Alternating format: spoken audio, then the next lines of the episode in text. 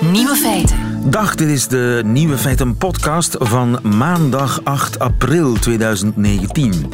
In het nieuws vandaag de kordate manier waarop het gemeentebestuur van Sint-Petersburg in Rusland de concrete problemen van de burger aanpakt. Op 25 januari jongstleden meldde een eh, inwoonster van de stad, Natalia, dat haar bushalte onbereikbaar was geworden wegens opgehoopt ijs op de stoep.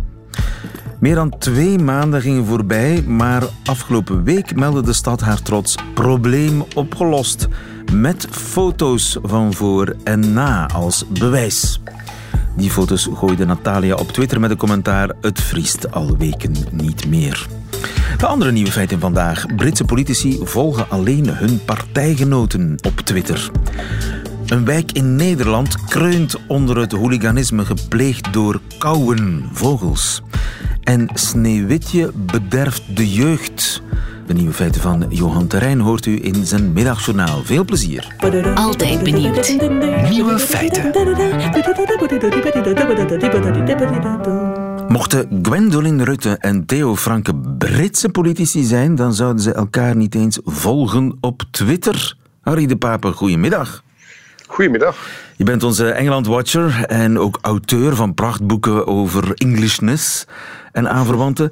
Tja, politieke discussie op hoog niveau dit weekend. Eh, Ik weet niet of je het gevolgd hebt. Eh, Die discussie begon met een, een tweet van Gwendoline Rutten van Open VLD, gericht aan de Amerikaanse president. Ze schrijft, beste Donald Trump...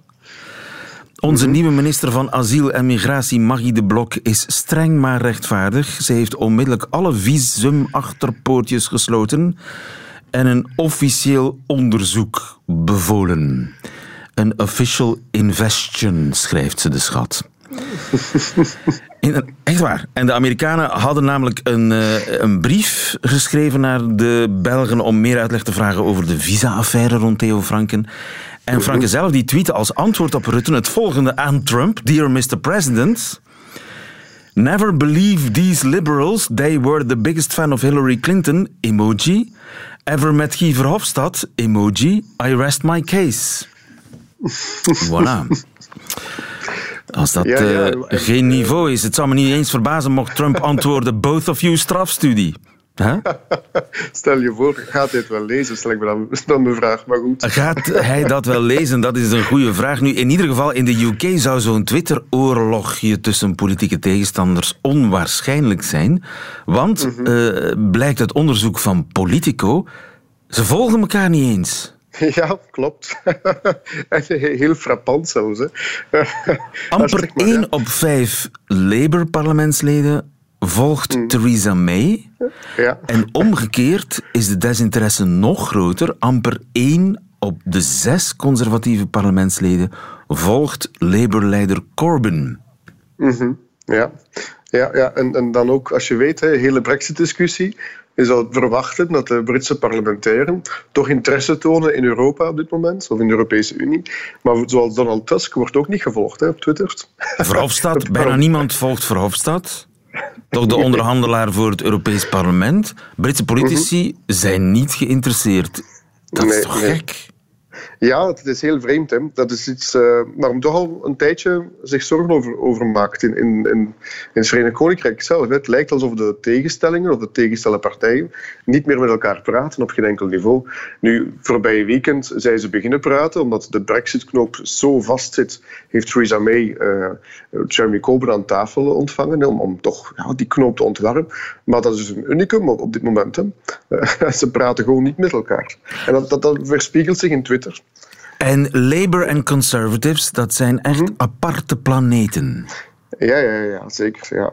Uh, dat merk je ook aan wie ze volgen. Hè. De, de conservatives volgen echt de conservatieve media, de conservatieve dagbladen en, en weekbladen. Terwijl uh, Labour vooral naar linkse weekbladen en, en, en uh, dagbladen kijken. Hè. En ze, ze negeren elkaar bijna straal. Dat is heel frappant. En je afkomst bepaalt waar je terechtkomt bij Labour of bij de Conservatives. Vaak. Ja, vaak, ja, klopt. Hè. Hoe zuidelijker je gaat in Engeland, hoe conservatiever je gaat, hoe noordelijker, hoe, hoe uh, uh, meer labourgericht dat je bent. En ook ja, de middenklasse, de hogere klasse zijn meer conservative. En de, de working class uh, richt zich dan meer naar Labour. Het zijn de klassieke verdelingen van vroeger die nog steeds bestaan. En dat blijft bestaan. En kan je van de mhm. ene partij naar de andere overlopen? Gebeurt dat ooit wel eens? Het gebeurt wel, want in 2017 hebben ze een onderzoek gedaan naar de, naar de kiesresultaten. Wat bleek dat uh, heel wat um, blue-collar workers, zoals men dat noemt, hè, dus de arbeiders, zich wel bekenden tot de conservatives voor de eerste keer. En dat was wel frappant. Dat, zijn de ehm, kiezers, ja. ja. Maar, ja, de maar, maar, de politici? Nee, nee, dat is, dat is hoogst uitzonderlijk. En nochtans, als je een vergelijking maakt met de vroegere politici in de jaren 60, 70, had, had je ook felle tegenstellingen. Je hebt daar twee epische figuren in. Hè. Tony Benn, die de, de, echte linkervleugel van Labour was. En dan heb je Enoch Powell, die de uiterst rechtse vleugel van de Conservatives uh, uitmaakt. Die twee hadden totaal tegenstelde visies op de maatschappij. Maar privé praten die wel met elkaar. En hadden die echt wel contact. En, en dat is vandaag ook weg. Dat zie je niet meer. Je ziet geen ah ja, dus die kloof is iets van de laatste jaren. De laatste... Ja, toch wel. Toch ah, wel. En daar spelen sociale media voor een stuk een rol in. Uh, ook de, de Thatcher-jaren, de jaren 80 spelen daar ook een rol in. Daar is die, die kloof ook enorm verbreed. Maar uh, je hebt bijvoorbeeld in het parlement, in het lagerhuis, heb je in totaal een 17 bars en restaurants waar parlementsleden elkaar kunnen ontmoeten. En vandaag stelt men vast dat de twee partijen elkaar niet meer ontmoeten in die bars. En in die, die hebben elk een eigen café. heel vreemd is. Ja, die trekken naar dezelfde bars, naar hun eigen bars. En ze, vroeger had je ook, je hebt nog steeds, nog steeds eh, de Strangers Bar, waar iedereen, eh, ook de bezoekers, naartoe kunnen gaan. En dat, waren vaak de, de, dat was vaak de plaats waar complotten werden gesmeed, en uh, ook over, over, partijgrenzen heen. En dat verdwijnt ook in, in Westminster. Ja, dus nogthans, weinig contact nog Nochtans, Harry, ze zitten in dat parlement ook gewoon lijnrecht tegenover elkaar. Hè? Het is geen halfrond zoals bij ons. Nee, het is echt tegenover elkaar. Ook als je de leider ziet opspringen, hè, Theresa May springt op, zegt iets, mhm. en recht tegenover haar, Jeremy Corbyn springt op. Het is een steekspel. Ja, het is een echt steekspel een steekspel. Dat is ook al jaren, dat is een traditie van jaren. Hè. Dus de, de leader of the opposition, die voert het woord, voert sowieso een aanval uit tegen de regering. De regering moet dat riposteren. Maar dat is ook voor een groot stuk schouwspel en een groot stuk theater. En uh, alleen vandaag uh, lijkt het theater de, de, werkelijkheid aan te worden zijn. Men praat echt niet, men valt gewoon elkaar voortdurend aan. En dat is, heel, dat is heel kenmerkend voor de hele brexit-crisis op dit moment. Men praat niet met elkaar, men praat naast elkaar. En is, is er een debat binnen de partijen dan? Bijvoorbeeld tussen back- en frontbenchers?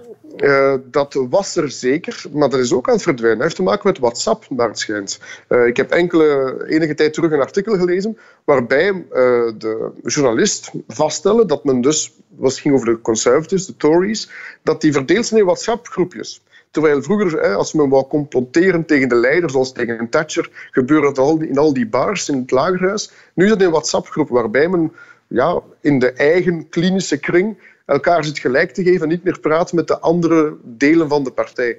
Waardoor er ook niet echt een koe kan plaatsvinden tegen Theresa May. Want ze zijn zo met zichzelf bezig dat, dat, dat, dat men eigenlijk geen verbond smeet tegen haar. Bubbels binnen de bubbel. Ja, klopt. Maar nu is de, ja, de, de, de national catastrophe looming. En dus mhm. moeten ze echt wel met elkaar, met frisse tegenzin, met elkaar beginnen praten. Interessant, enkele dagen terug uh, vond er een, een mooi gesprek plaats op Channel 4 tussen Michael Mopurgo, een uh, jeugdschrijver, en Robert Toombs, een, een, een historicus. Toombs is, is, een, is een liever, een, een, een brexiteer, en, en is een echt EU-gezinde man, een Remainer. En die hebben een heel beschaafd gesprek gevoerd. Ze gaven elkaar voortdurend ongelijk, maar op een zeer beschaafde toon. En de conclusie van de interviewer was: dit is de eerste keer in de voorbije drie jaar dat er op zo'n beschaafde manier over Brexit gepraat is. dat is eigenlijk wel, eigenlijk wel erg. Dat, nu, nu, ja, dat dat zo lang moet duren voor eventueel een, eh, een beschaafd gesprek kan plaatsvinden. En een compromis, stel je voor, tussen je voor. Labour en Conservatives, dat we dat nog mogen meemaken. Dankjewel, ja, Harry de Papa. Goedemiddag. Graag gedaan. Dag. Nieuwe feiten. Coucou de France. Met Alex Visorek. Tja, welke spannende dingen zouden er aan de gang zijn in Parijs? We weten het dankzij mijn Frans en collega en landgenoot, die ik elke maandag in de Nieuwe Feiten binnenhaal, Alex Visorek. Goedemiddag. Ja, dat ben ik. Goedemiddag, lieven. Zou je graag een chevalier de l'ordre des arts et lettres willen worden? Pourquoi pas, Alex? Ridder, wat moet ik daarvoor doen? Dat is een officiële Franse beloning voor verdiensten op het gebied van kunsten en letterkunde. Je krijgt het nieuws via een officiële brief van de minister van Cultuur lui-même. Mhm. En zo'n brief heeft stand-up comedian Blanche Gardin gekregen. Ze is de revelatie van de Franse comedie voor de vorige jaren met haar scherpe humor. En ze had bijvoorbeeld veel succes toen ze in een ceremonie grapte over het feit dat Roman Polanski, ondanks zijn veroordeelde daden, toch wel lof kreeg, omdat hij een goede regisseur was. Zou hij geen kunstenaar zijn? On dit pas par exemple d'un boulanger, euh, oui, d'accord, c'est vrai, il viole un peu des gosses dans le fournil, mais bon, il fait une baguette extraordinaire. ja, ja, ja, ja, ja. Voilà. Het gaat niet zo met een bakker. Dat was op het podium van La Nuit des Molières, de ceremonie van de theaterprijzen in Frankrijk. Vorig jaar was ze ook daar om de Molière voor de beste stand-up comedy te geven. Een categorie waarin ze zelf genomineerd was. Et le Molière est attribué... Attends, je le savais, c'est moi. Ah, ze kon de prijs aan zichzelf geven. Ja, precies. Haar winnende show kun je trouwens bekijken op een online filmplatform dat op Asterix rijmt. Een echte aanrader. Uh, en dit jaar La Consécration. Ze heeft de brief gekregen van minister Frank Riester ah. om ridder van de Orde van Kunst en Letterkunde te worden. En ze heeft nee gezegd. Huh? Nee? En waarom dan? Ja, dat heeft ze op Facebook uitgelegd. Et elle explique son geste dans une lettre, euh, une lettre adressée euh, à Emmanuel Macron et qu'elle a publiée sur son compte Facebook. Elle explique en fait ne pas vouloir être honorée par un gouvernement qui ne tient pas ses promesses vis-à-vis des SDF. Vis-à-vis des SDF euh, sans domicile fixé, is dat zeker? Of fixe? Ja, daklozen. Sans Daklozen, ja. Ze wil geen beloning van een regering die niks voor de daklozen doet. Dat is een belangrijk thema voor haar. En Macron had beloofd om iedereen een dak te geven, maar ze betreurt dat zijn politiek eigenlijk alles slechter maakt. Een grote takkel naar de president. En daarom dus die beloning weigeren. Ja, en ze is nogthans niet de eerste Française om een grote officiële eer te weigeren. Sophie Marceau had haar Légion d'honneur geweigerd omdat de kroonprins van Saudi-Arabië die staatsmedaille ook had gekregen. En Brigitte Bardot dacht toen dat dieren die lijden het meer verdienden dan haar. En ook Les Bleus hadden het WK geweigerd omdat de Belgen beter spelen. Ah nee, dan sorry, dat is in mijn droom. Ja, ja, ja, Ook tegen de belangrijkste beloning zeggen uh, Fransen soms nee. De Nobelprijs bijvoorbeeld. Wie zou een Nobelprijs weigeren? Ik niet. Jean-Paul Sartre. Jean-Paul Sartre? Nou, zeker niet. Ja, de, de schrijver van La Nausée en L'être et le néant. In 64 moest hij de Nobelprijs voor de literatuur krijgen, maar dat interesseerde hem niet. Pourquoi avoir refusé le prix Nobel? Parce que je ne vois pas pourquoi une cinquantaine de messieurs âgés et qui font de mauvais livres me couronneraient. C'est au lecteur à dire ce que je vaux, ça n'est pas ces messieurs-là. Die heren hebben geen verstand voilà. van literatuur. Ik hoef hun prijsje niet. Jean-Paul Sartre. Dat is het. Het kan hem niet schelen dat, dat 50 oude eren die slechte boeken schrijven en belonen. Hij wilde zichzelf niet verraden. Hij schreef om te schrijven, niet om prijzen te winnen. Zijn vroegere vriend, maar daarna vijand, Albert Camus, had ook de Nobelprijs een paar jaar vroeger gekregen. Hij had het aanvaard, maar het is niet dat hij ook super enthousiast was. Je pense d'ailleurs sincèrement qu'il y a deux ou trois écrivains au moins qui méritaient d'être choisis avant moi. En een ander beroemd geval was toen Jean-Paul Belmondo bekroond werd met een César van beste acteur in 1989 voor de film Itinéraire d'un enfant gâté. Jean-Paul n'est pas venu. Il n'est pas venu, il n'a pas pu venir, il n'a pas de smoking. Euh, il a 297 blousons, mais il n'a pas de smoking. 297 blouses, maar geen smoking. En daarom kon Jean-Paul Belmondo niet komen naar de prijsuitreiking. Dat was ehm, l'excuus. Hij had al gewaarschuwd dat hij niet genomineerd wilde worden. De echte reden was niet dat hij geen smoking had. Natuurlijk, de echte reden was dat zijn vader, Paul Belmondo, een beeldhouder was die absoluut niet bevriend was met de beeldhouder César. Integendeel, hij was dus onaanvaardbaar voor Belmondo om een prijs met de naam van César te krijgen. Hij zei ooit, ze deden niet hetzelfde werk. L'un était sculpteur, l'autre était compresseur. De ene was beeldhouder, de ander perste autovrakken samen. En dat klopt Voilà, ook, hè? dus- Die, die beeldhouwer César, die ook de beeldjes maakte, de César, die heeft ooit autovrakken eh, samengeperst en dat gepresenteerd als kunstwerk. Dat klopt. Inderdaad, en het was daarmee dat hij zo beroemd was in Frankrijk en in de wereld. Eh, voilà, u weet dus alles. Wij als Belgen klagen vaak over de Fransen die te trots of te chauvinist zijn als ze winnen, maar soms willen ze niet winnen door familiale redenen, door filosofische waarden, door ethische redenen of soms als politieke weerstand, zoals stand-up comedian Blanche Gardin laten we zien als president Macron dat zal appreciëren of niet. De Fransen zeggen graag een keer non. Dankjewel, Alex Visorek in Parijs voor ons. Goedemiddag, tot volgende week. Nieuwe feiten.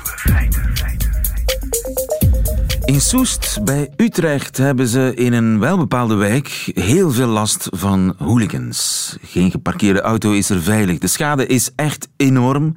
Autoruiten sneuvelen, deuken in het koetswerk. Waar komen die vandalen toch vandaan? En waarom kiezen ze net die wijk uit? Het bleef een hele tijd een mysterie, tot een buurtbewoner een van de daders op heterdaad betrapte. Je ziet een, eh, een kraai die komt vanaf eh, het, het flatgebouw eh, aanvliegen. Die gaat zitten. En die kijkt eens een keer naar links, kijkt eens een keer naar rechts. En kijkt eens een keer naar beneden en dan doet zijn bek open. En ja, dan, dit is het. Er moet ook wat aan gedaan worden. Want dit kan niet zo langer doorgaan als dit op iemand zijn hoofd valt. Of het nou voor jou of voor mij van een kind is. Het is gewoon gevaarlijk. Dit, dit kan gewoon niet doorgaan. We kunnen niet wachten tot er een dode valt. We kunnen niet wachten tot er een dode valt. De situatie is heel ernstig in Soest bij Utrecht in Nederland, want daar hebben ze last van gevederde hooligans. Jan de Smet, goedemiddag. Hooligans, ja. Ja, jij bent onze favoriete vogelkenner nog steeds. Wat Ja. gebeurt daar in Soest? Neem aan dat het om koeien gaat. En koeien zijn, ja, behoren tot de kraaiachtigen. En de kraaiachtigen, ja, dat, dat zijn zo'n beetje de Einsteintjes van het vogelrijk. Dat zijn heel intelligent, slimme beesten die aan alles een draai weten geven. Die net als mensen vaak de tijd moeten doden, een, een vrije tijd vullen met allerlei spelletjes. Hè. Straks hebben wij in Vlaanderen de Ronde van, Frank, de ronde van Vlaanderen en zo. Dus dat is voor ons ons vertier. Ja. En die koeien, ja, als zij in de buurt eh, een, een dak of zo weten waar steentjes op Dan, En dat eh, was daar zo, hè? Het is aan een plat dak en eh, eh, Voilà, dat is zo, dat dus ligt vol stenen als een soort bedekking. Ja, ja natuurlijk, ja. En, eh, ja, en dan, eh dan scheppen die daar gewoon lol in. eh. dat is nu eenmaal zo, die scheppen daar lol in om die steentjes eh, op te pikken en dat te laten vallen. Hè. Dus niet alleen de homo-ludens, maar ook de kou-ludens, als het ware. Eh, ja, helemaal juist, ja, ja, absoluut, ja, ja. Het zijn speelvogels. Maar, ja, maar ik heb ooit eh, een kou in huis gehad en op den duur was dat absoluut niet meer houdbaar, want wij, hadden, wij hebben zo'n een, een een, eh, schoorsteenmantel en daar stonden allerlei prularia op. Wel, die kou die vond er niks beter op van iedere keer heel die, die schoorsteenmantel af te lopen en alles wat daarop stond, hij moest dat laten door zijn bek, hij manipuleerde dat of hij gooide dat naar beneden. En, en dat was, hij was pas klaar wanneer dat alles op de grond lag. En, maar dat zijn gewoon dieren die, ja... eh, eh, veel tijd hebben om, om allerlei fratsen uit te halen, om, om de tijd te doden. Hè. Zoals wij mensen hobby's hebben, eh, doen die dan eh, zoiets. Ja. Het zijn ook dieren die vrij snel aan voedsel geraken. Die dus niet werkelijk, het zijn zeker niet de grote uitslovers in het vogelrijk om aan voedsel te raken. Het zijn alleseters, dus dat betekent dat ze ja, zowel insecten als doodgereden dieren, als uh, plantaardig materiaal, uh, bessen, ze eten van alles. Dus in die zin hebben ze behoorlijk veel vrije tijd en ja, dan, dan gaan ze zich al of niet te buiten aan dergelijke dingen. Hè. Maar het is ook zo, bij kraaien, dat is geweten, als die eten bijvoorbeeld ook vaak uh, noten. En nu een noot uh, is vaak heel moeilijk open te maken met een vogelsnavel. En dan uh, nemen ze bijvoorbeeld een, een walnoot. Ze vliegen daarmee hoog Dat heb ik alles gezien, ja. Inderdaad. Ja, 20, 20, 30 Om de noot te breken. Voilà, en dan laten ze die vallen en ja, dan, dan komen ze makkelijker bij dat vrucht, bij die, die vrucht of die noot, hè, om, om die op te eten. Dus er zit wel een vorm van dergelijk natuurlijk gedrag bij die dieren, dat ze dingen oppikken en laten vallen. Hè. Ja. Maar natuurlijk dat ze daar spel en sport aan koppelen, ja, dat is logisch, omdat ja, het zijn dieren die anders toch, ik niet zeggen met hun vingers zitten draaien in de loop van de dag, met hun teennageltjes of zo. Ja. Nu, je kunt die kauwen uh, geen gasboete geven, hè? dat gaat niet. Uh, jij hebt een kou in huis gehad, dat vind ik op zich al een exotische gedachte. Een kou als huisdier. Ja, en die vloog was... gewoon rond in de keuken en in de... Ja, maar dat was ongelooflijk, jongen. Maar je ziet dan ook hoe super intelligent dat die dieren zijn. En uh, hun sociaal gedrag komt dan naar boven. Bijvoorbeeld als wij aan tafel zaten te eten uh, en je wilt dan iets in je mond steken, dan zat die kou op de hoek van de tafel en dan woem, gritst hij zo net voordat je je hap in je mond wil steken, gritst hij die hap weg. Gezellig. Zij, ja, maar, ja, maar dat fantastische ding mee beleefd. Of hij gaat dan boven op een kast gaan zitten omdat hij weet dat hij daarom bereikbaar is en dat wij hem niet te les kunnen spelen. Ja. Uh, we hadden hier ook zo een, een, een, een, een, een soort huisje. Uh, wel, dat stond in de boekenkast. Dat, wij gebruikten dat om boeken tegen te zetten. Wel, hij had dus ontdekt, het zijn holenbroeders ook. Hè. Niet, niet voor niets dat ze ook in, in schoonbroeden. Hè. Dus hij had ontdekt dat hij daar kon inkruipen en hij voelde zich daar heel behagelijk in. Ja. En daar sliep maar, hij misschien s'nachts? Maar ja, hij had daar een kamerplant voor dat hij kon zitten. Ah, ja. Maar we zijn nu vol op het moment ook dat de, de kauwen hun nesten bouwen. En uh, er zijn veel firma's die dus uh, reclame maken uh, dat ze dus allerlei methodes hebben ontdekt om kauwen uit uw schouw weg te houden. Hè. Maar ik heb me lang afgevraagd, hoe spelen die dat toch klaar? Want ik heb dat in mijn school schoorsteen ook een paar jaar gehad. Hoe spelen die dat klaar om die takken zo te vlechten en vast te hechten, dat dat nest een, een platform vormt uiteindelijk om dan ja, op te zitten, die eieren te leggen en, en uit te broeden. Hè. Dat Ja. is toch een zeker gewicht die daarop drukt. Ja. Maar ze doen dat gewoon à l'improvis. Ze komen afgevlogen met takken en ze kippen die gewoon in die schoorsteenpijp. En op goed geluk wachten ze tot er een paar van die takken blijven vaststeken. En, en dat die zo'n ja, een soort eh, draagbed vormen. Hè. Ja. En een keer dat dat, dat dat klaargespeeld is, dan gooien zij er van alles in. Hè. Dus noods ook eh, ja, eh, zakdoek, papieren zakdoekjes dat ze oprapen op straat. Andere takken tot ze een nest hebben gemaakt. tot ze een En, ja, dan leggen ze daar hun eitjes op. Ja. Maar het gebeurt dat wel later als dat niet stevig genoeg is. En we zetten bijvoorbeeld drie, vier dikke jongen al in dat nest. Dat er dan toch eentje kan doorschieten. En wij hebben dat ook gehad. Dat zo'n kou dan helemaal beneden, eh, ter hoogte van ons, het rookgat van onze kachel uitkomt. Dan horen wij zo geluid in de kachel en denken wij, ja, het zit alweer een. Ja, dan en is op, wij, ja, op die manier de kou Ja. van destijds bij jou in huis binnengekomen? Eh, nee, dat was een. eh, moet ik even denken, dat was, een- dat was een sukkelaar. Ah, nee, nee, nee, nee, nee, dat is zo, ja, ja. Dat was het moment dat de koudjes uitvliegen. En eh, ja, dan zitten er zo nog. Wij, wij, noemen dat papbekken. Dat zijn er zo die nog, nog niet helemaal goed weten waar ze eigenlijk aan toe zijn als ze, als ze uit hun schoorsteen komen. En ze zien dat, ja, dat wijdse hemelgewelf. En, en plotseling al die bomen en die dingen, dat maakt enorm veel indruk. En zeker coaches die dan, eh, ja, die laatste zijn uitgebroed. Dat, dat zijn de jongsten, die, die weten soms niet goed van eh, waar ben ik hier nu terecht gekomen. Nee, je ziet die dan Ja. ook, ik zie die vaak ook spartelen als ze uit een pijp komen. Ja. Eh, En dan heb je die maar in huis genomen. dak af, dan glijden die het dak af. En, en zo is er zo eentje dan eh, via een dakgoot ook op onze achterkoer beland. En dan hebben we dat in, in huis genomen met de goede bedoelingen. Maar eigenlijk kan dat iedereen afraden. Want dat, Ja. dat zijn zo'n drukke vogels. Ja, en, en, en eh, vloog hij dan uit en kwam hij iedere keer weer binnen? Dat hebben wij niet geriskeerd. Eh, maar we hebben dat later nog wel een keer geprobeerd, maar dat is dan eh, helemaal verkeerd afge- afgelopen. Eh, die kou is dan weggevlogen en veel, veel later hebben we dan, hebben wij die dan zien zitten in het park voor onze deur. Dat beestje was helemaal verkommerd en ja, die had blijkbaar zijn draai niet meer gevonden. Maar wat is er dan gebeurd ja. met die kraai die de schoorsteenmantel terroriseerde? Die hebben wij uiteindelijk eh, van Lieverlee naar het vogelopvangcentrum, ik denk dat dat in Beernem was, met hem daar afgeleverd. Dan, het was eigenlijk niet meer leefbaar. Ja, die, je kunt die ook niet zoals een baby een luier aan doen. Nee, hè. nee. En dus ook even terug naar Soest in Utrecht. Het, eh, je kunt die, die geen gasboete geven, je kunt die niet opvoeden. Dus ja, het enige wat erop zit, lijkt mij, is die keien weghalen. Dat is inderdaad gebeurd bijvoorbeeld aan het Europees Parlement in Brussel, waar men eh, ook zo'n probleem had met eh, kraaien die in de buurt steentjes oppikten van de daken en die dat dan op die immens gro- grote koepel daar, veel mensen gaan dat wel kennen, die enorme koepel daar aan het Europees Parlement. Hè.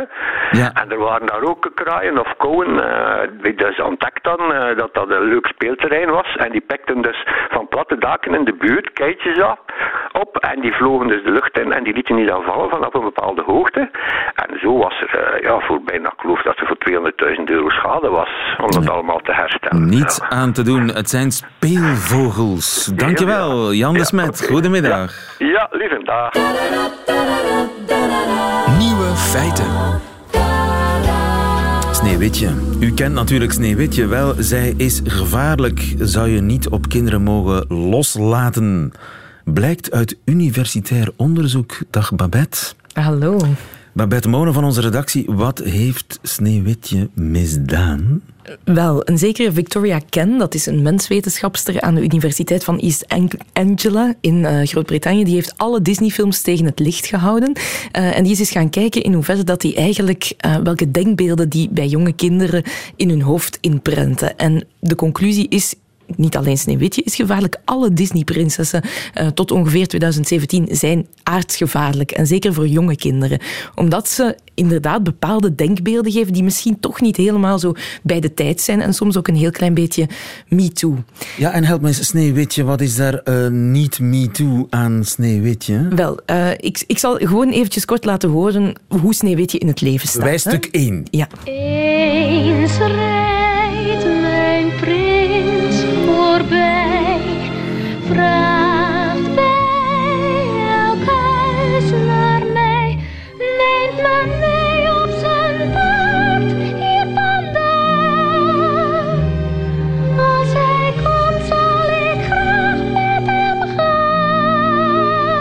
wat is daar mis mee? Ja, lieve, dat is een vrouw die dus niets beters te doen heeft dan thuis te zitten bij zeven werkende en heel lieve dwergen die ze niet aantrekkelijk genoeg vindt om iets mee op te bouwen, te wachten tot haar prins voorbij komt.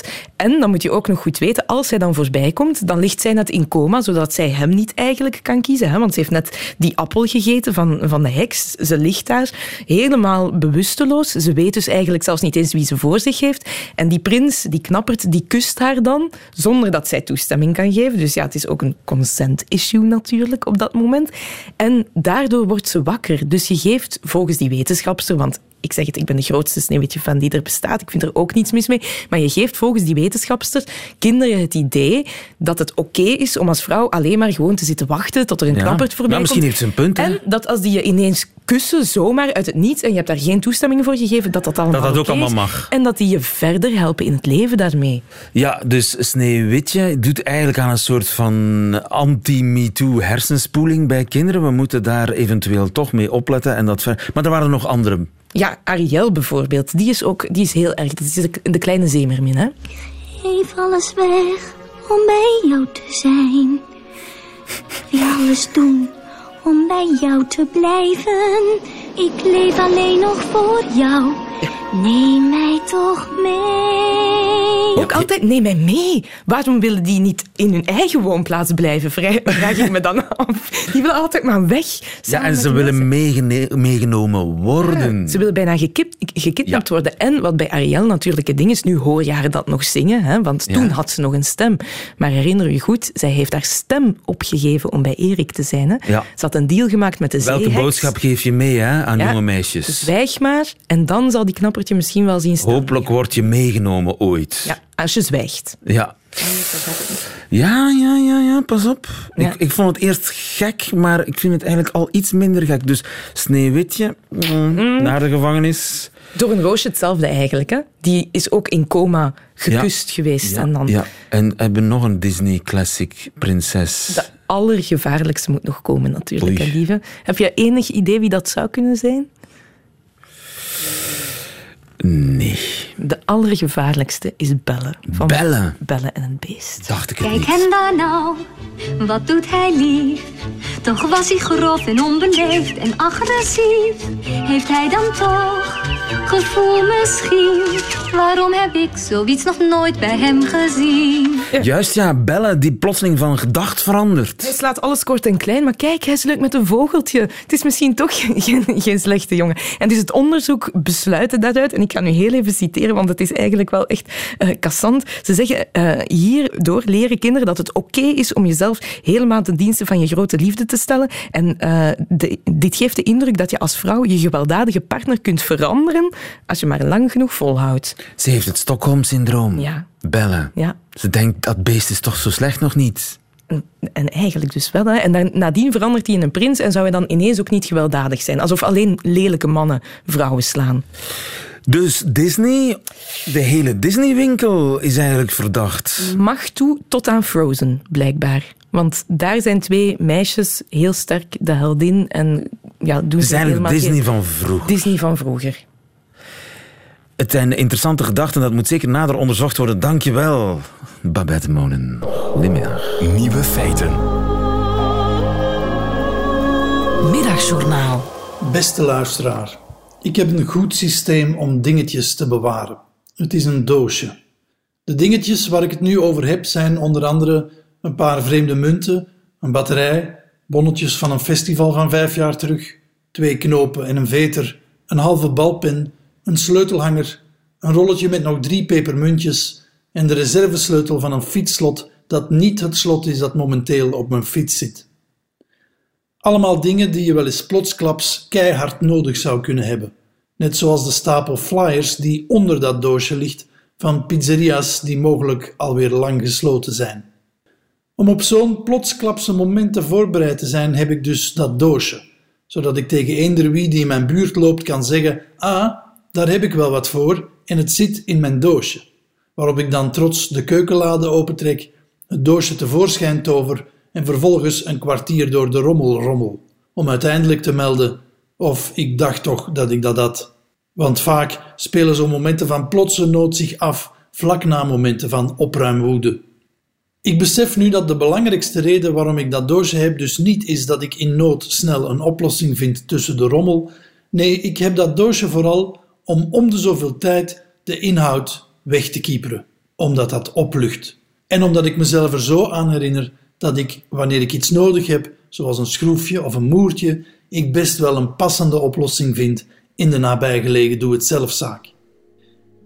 Dat besef is belangrijk voor mij, want als mensen mij nu vragen waartoe coaching eigenlijk dient, kan ik daar veel beter dan voorheen op antwoorden. Ik vertel dan het verhaal van mijn doosje. En dat het oplucht om af en toe alle opgespaarde ballast weg te ruimen, ook in onszelf, om plaats te maken voor nieuwe inzichten en perspectieven. Want al die oude denkpatronen die, net als die dingetjes in mijn doosje, hoopten ooit nog van pas te komen, zijn daarom nog niet de beste manier om naar nieuwe uitdagingen te kijken in het leven. Om te kunnen groeien heeft het voor ons mens zin om af en toe dat doosje uit te kieperen en vol genoegen naar een leeg doosje te kijken en je af te vragen waarmee dat de komende jaren alweer gevuld kan worden.